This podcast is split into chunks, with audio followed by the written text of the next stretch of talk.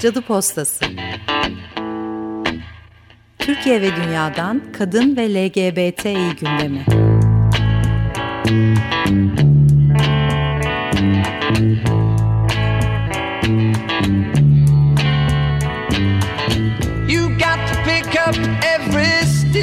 Hazırlayan ve sunanlar Burcu Karakaş ve Çiçek Tahaoğlu. Must be the season of the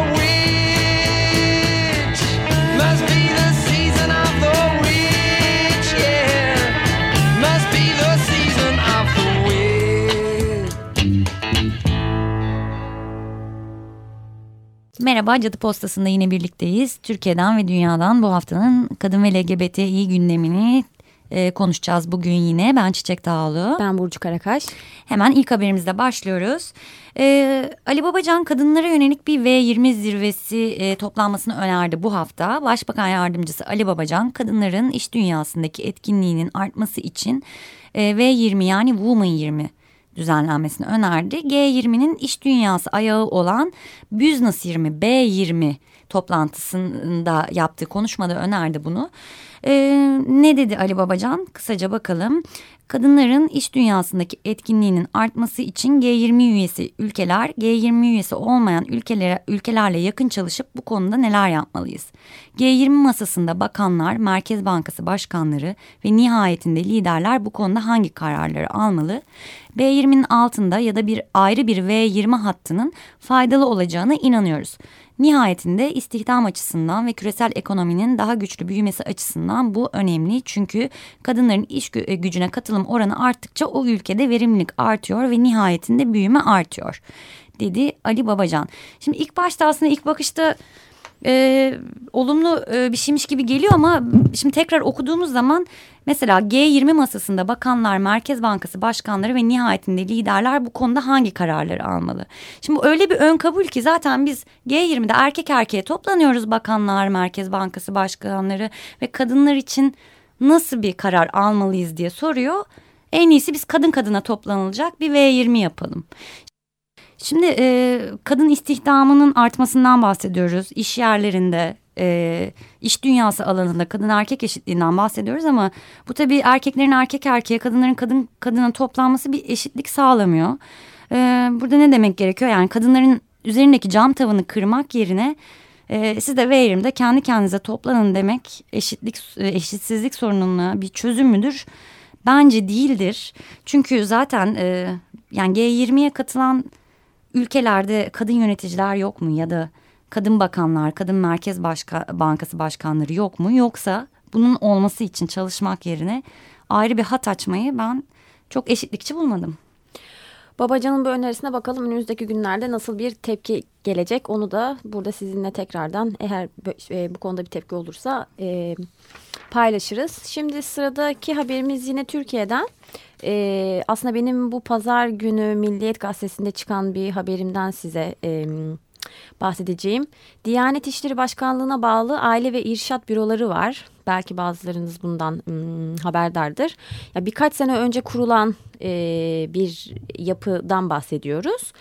E, Diyanet İşleri Başkanlığı bu e, buraları açarken şöyle dedi. Aile içindeki sorunlara çözüm bulmak için biz burayı açıyoruz ve gerektiğinde kadınlar e, hani buraları arayarak ya da bizzat hani bu e, aile ve irşad denilen yerleri giderek e, diyelim ki eşlerinden şiddet görüyorlar ya da e, buna benzer sorunlar e, tavsiyeler alabiliyorlar. Ben de kadın e, ben de eşinden şiddet gören bir kadın gibi aradım. Yani şöyle diyelim e, ülke genelinde müftülüğün olduğu her yerde bu bürolardan var. Birkaç tane örnek vereceğim size. Ee, bir kere öncelikle aslında şunu söyleyeyim. Aradığım her büro öncelikle ben şiddet görüyorum dediğim zaman e, yani şöyle daha doğrusu dedim ki iki buçuk yıldır evliyim. Bir çocuğum var ikincisine hamileyim. Eşimle aramızda bazı sorunlar oldu ve kendisi beni e, dövüyor dedim e, bu şekilde aradım. Hepsi bana neden şiddet gördüğümü sordu. Yani bu bütün bürolarda bu hani e, fix e, diyebileceğim bir şey. Yani kocanız yani, size neden şiddet uyguluyor diye mi sordular? Evet. Mesela işte şöyle diyenler oldu. Hani önceden böyle sorunlarınız var mıydı? Hayır diyorum. O zaman niye böyle bir sorun oldu diyor.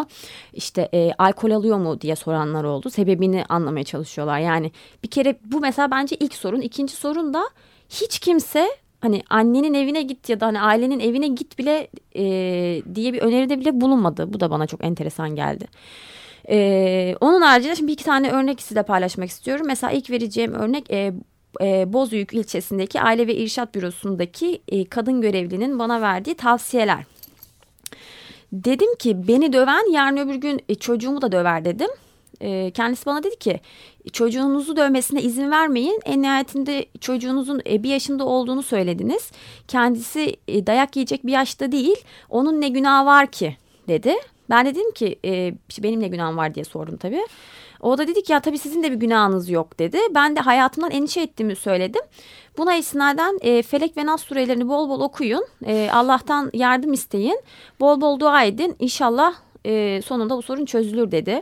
Keza İstanbul Sancaktepe ilçesindeki Aile ve İrşat Bürosu'nu aradığım zaman polise mi gitsem diye sordum. Polise gitsen ne olacak diye bir cevap aldım. E, hatta polise gidersem bu sefer eşimin daha fazla kötü davranacağı yönünde bir açıklama oldu. E, işte erkektir e, kıskanır dedi mesela keza. Ordu'daki Aile ve İrşat Bürosu'ndaki yetkili ise e, e, mesela evden çıktığım için bazen sinirleniyor e, diye bir şey söyleyince ben o zaman siz evden çıkmayın dedi. Ay herhalde aranızda bir güven problemi var. Allah Allah bu güven problemi niye oluştu gibi cevaplar aldım. Yani hiçbirinden bir şekilde yani hamile oldu ki hani zaten hamile olup olmamam da önemli hmm. değil ama hani o da ekstra bir bilgi olduğu için e, burada söylüyorum. Hiç kimsenin hani evden hani kaç kurtul gibi bir e, öneride bulunmaması. Peki somut e, olarak nasıl yönlendirdiler yani kapattığında aklında kalan neydi? aklımda kalan benim suçlu olduğum. ya gerçekten çünkü hepsi hani tırnak içinde olayın özüne inmeye çalıştı bir şekilde. Ya olayın özü derken de dövüyorsa bir sebebi vardır argümanından yola çıktılar. Şimdi aslında diyeceksiniz ki tabii şiddet gören bir kadın niye Diyanet arasın? Bence de öyle ama bu e, kurumların kurulmasının amacı bu. Yani evet. aile içindeki sorunlara çözüm götürece e, çözüm e, üretebilecekleri iddiasında oldukları için zaten olay bu. Ve neticesinde az önce paylaştığım örnekler gibi öneriler aldım ben. Yani yorumu size bırakalım. Bir pek yorumda yapacak bir şey yok açıkçası. Evet, yani zaten. işte altyapı olmadan böyle şeyler yapıldığı zaman göstermelik olarak biz erkek şiddetine çok karşıyız. Çok çalışıyoruz. Onu yapıyoruz, bunu yapıyoruz. Adına böyle bürolar da açılıyor ve maalesef sonuç böyle oluyor. E, evet yani iyi bir sonuç değil. Hatta durumu daha kötüleştirecek tavsiyeler veriyorlar. Hiç böyle bir konuşma olmasa şiddet gören bir kadın daha rahat eder. Bir sonraki haberimiz e, yine Türkiye'den. E, şimdi e, kadın ve LGBTİ örgütleri İstanbul Sözleşmesi gereği oluşturulacak şiddete karşı uzman eylem grubu Grevio için adaylarını açıkladılar e, iki gün önce. E, Türkiye'nin ilk imzacısı olduğu ve İstanbul Sözleşmesi olarak anılan kadınlara yönelik şiddet ve ev içi şiddetin önlenmesi ve bunlarla mücadeleye dair Avrupa Konseyi Sözleşmesi 1 Ağustos 2014'te yürürlüğe girmişti hatırlarsanız. E, toplam 14 e, ülke imzaladı. İlk imzacısı Türkiye'de demin de dediğimiz gibi ve sözleşme e, gereği oluşturulacak Grevio adlı yapı taraf devletlerin sözleşmesi, sözleşmenin gereklerini nasıl uyguladığını denetleyecek. Sivil bir yapı olacak bu e, ve de. 10-15 e, arası üyesi olacakmış duruma göre e, anladığım kadarıyla her ülkeden bir temsilci olacak ve o kendi ülkesini denetleyecek. E, Grevio'nun Türkiye temsilcisini seçmesi için de kamu kuruluşları ve STK temsilcilerinden bir komite oluşturulacakmış.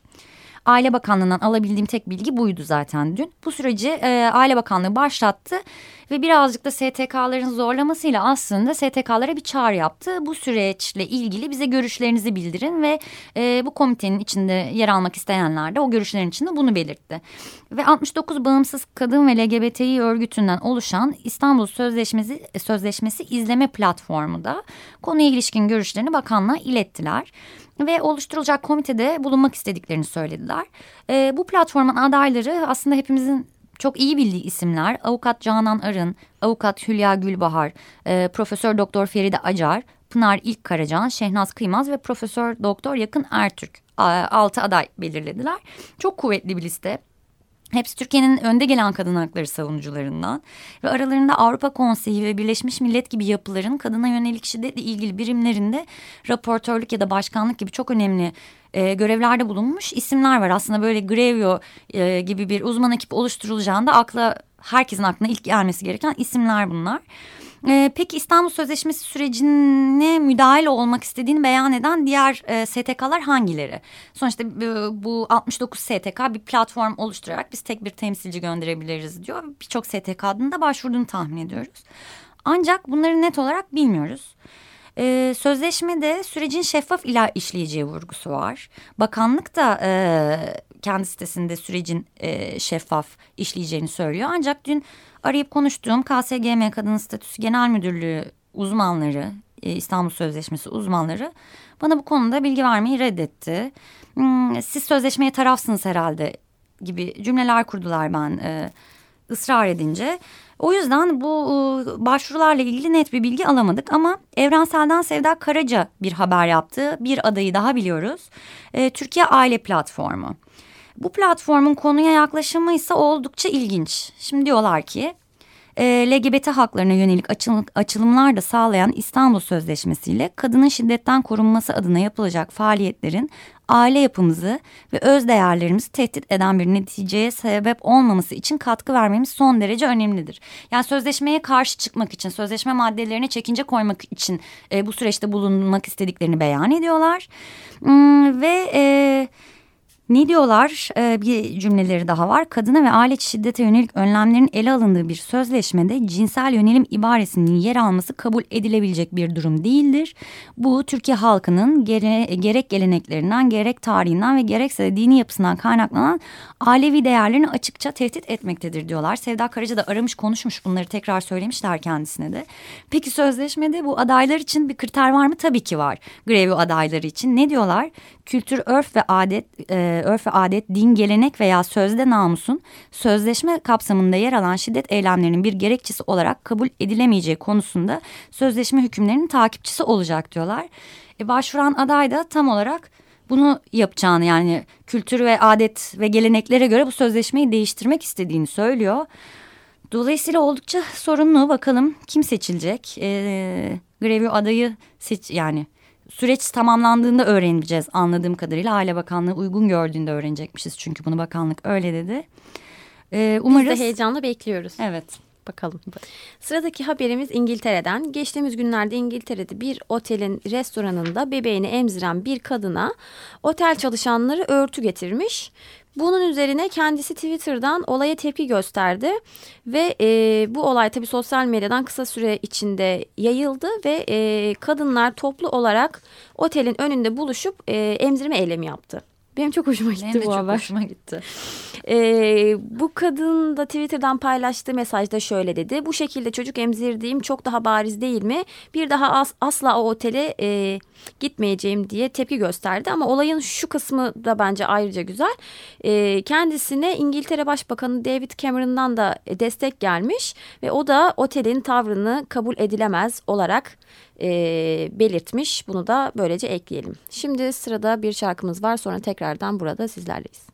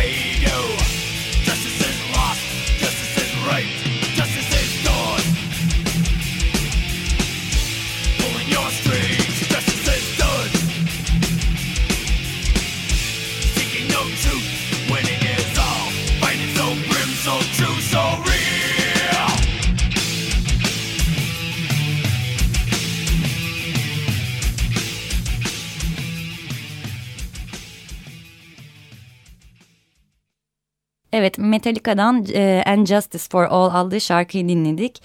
E, bir sonraki haberimiz e, Bülent Arınç'tan. Başbakan Yardımcısı Bülent Arınç e, Meclis Genel Kurulu'nda 2015 yılı bütçeleriyle ilgili yaptığı konuşmada CHP milletvekili Mahmut Tanal'ın trans aktivistlerle mecliste yaptığı basın açıklamasından çok ilginç bir şekilde bahsetti.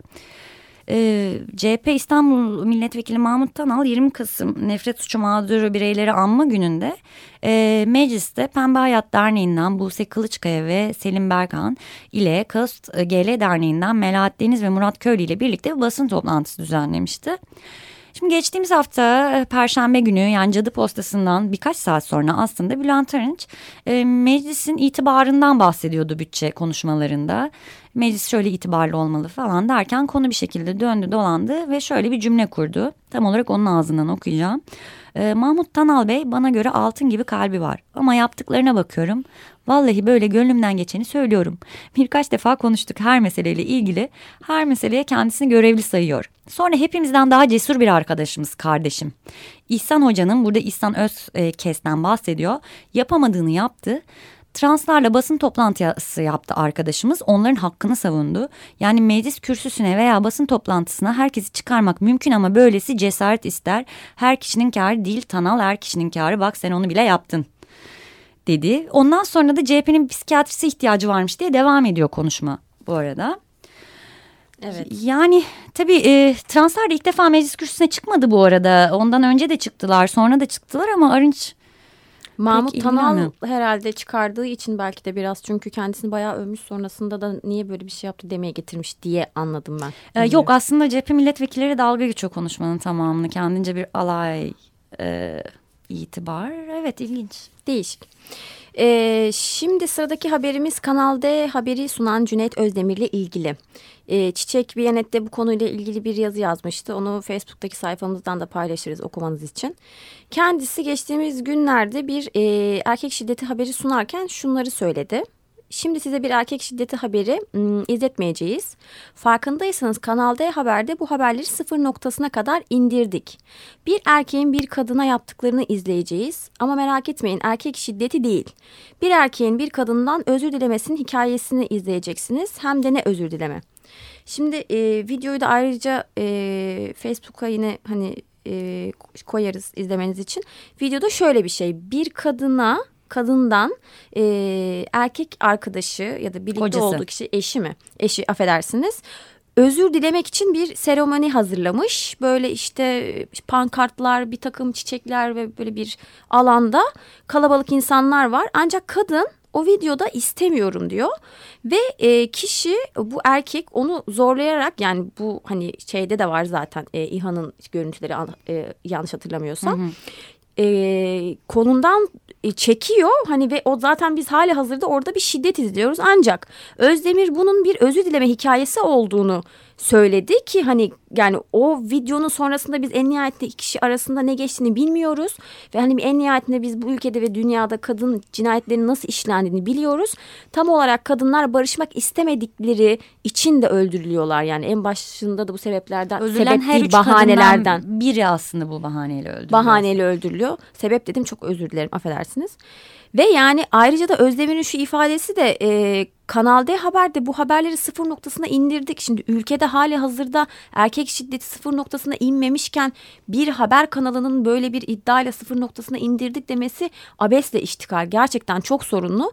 Çiçeğin yazdığı e, yazı üzerine kendisi ertesi günü dedi ki e, bugün üç kadın öldürüldü. Erkek şiddeti çok hassas bir konu. Önümüzdeki günlerde size bir haber dosyası sunacağız diye yani herhalde yazıyı okuduğunu e, zannediyoruz. Böyle bir açıklamada bulundu kendisi.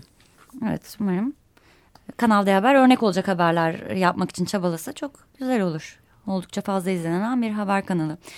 Ee, Yıldız Tar'ın yeni kitabı çıktı. Ee, Kaos GL muhabiri Yıldız'ın beş farklı şehirden trans kadınlarla yaptığı söyleşilerin yer aldığı Dönmelere Doyamadık adlı kitabı çıktı.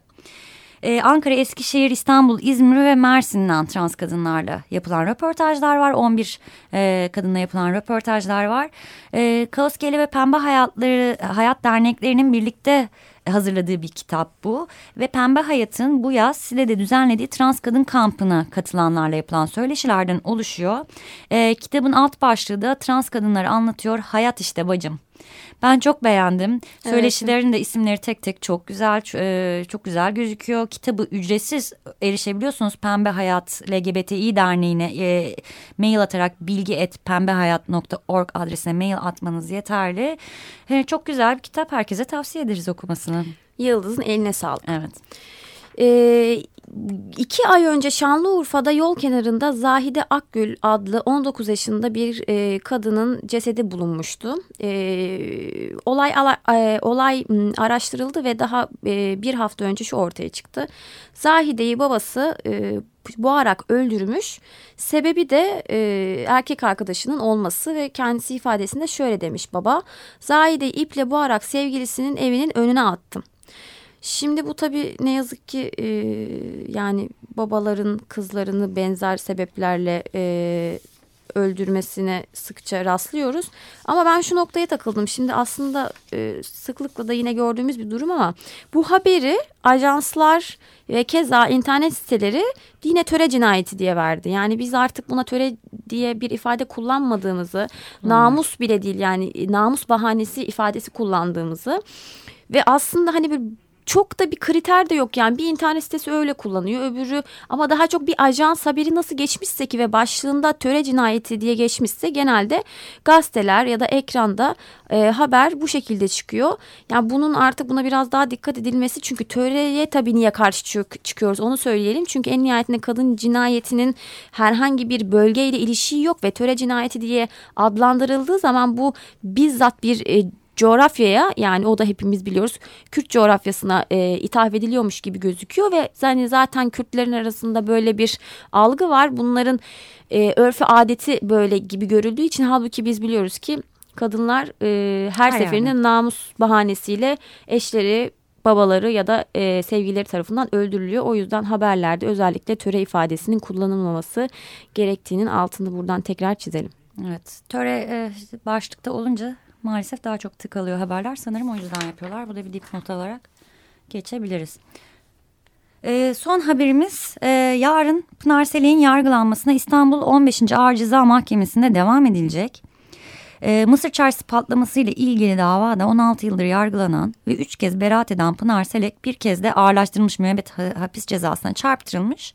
Yargıtay e, bu ceza, Yargıtay'ın bu cezayı usulen bozması üzerine dava yeniden görülmeye başlanmıştı. Son duruşma 5 Aralık'taydı geçtiğimiz günlerdeydi ve savcı yeni savcı Pınar Selek hakkında eski cezayı yani ağırlaştırılmış müebbet istediği mütalasını tekrar etti. Oldukça da tuhaf bir mütalaydı Burcu ile birlikteydik e, duruşma salonundayken e, iki satırlık bir mütalaydı. E, yani gazetede... savcının dosyayı incelemeden aynı şekilde mütalaa verdiğini gördük yani. ki avukat Ayhan Erdoğan da bu konuyla ilgili zaten e, maddi olarak hiçbir tespit e, yapılmadan bir önceki iddiaları yeniden öne sürüldüğünü söyledi. Tabii çok sorunlu ama zaten hukuk e, aramadığımız için de Pınar Selek davasında e, yani arıyoruz, beraat istiyoruz. Hani bu saatten sonra adaletin sağlanması ne kadar mümkün ama Pınar'ın beraatini istiyoruz. İstiyoruz. Onun için yarın e, saat 10'da e, İstanbul Çağ, e, Çağlayan Adliyesi'nde görülecek duruşma ama e, yarın saat 9.30'da sabah 9.30'da hala atanız platformu e, adliye önündeki bekleyişine başlayacak. Yurt dışından da öğretim üyesi, avukat, sendikacı, insan hakları aktivisti, gazeteci ve belediye temsilcilerinin aralarında bulunduğu kalabalık bir izleme gözleme heyeti de orada olacak. E, Burcu ve ben de duruşmada haber için orada olacağız. Herkese iyi günler diliyoruz. Haftaya tekrardan burada olacağız. Görüşmek üzere. Cadı Postası. Türkiye ve Dünya'dan Kadın ve LGBTİ Gündemi.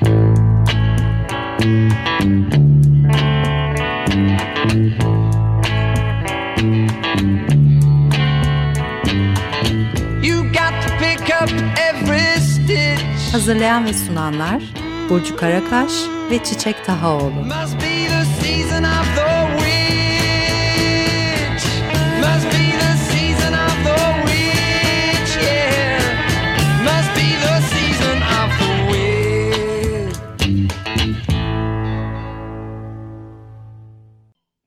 Açık Radyo program destekçisi olun. Bir veya daha fazla programa destek olmak için 212 alan koduyla 343 41 41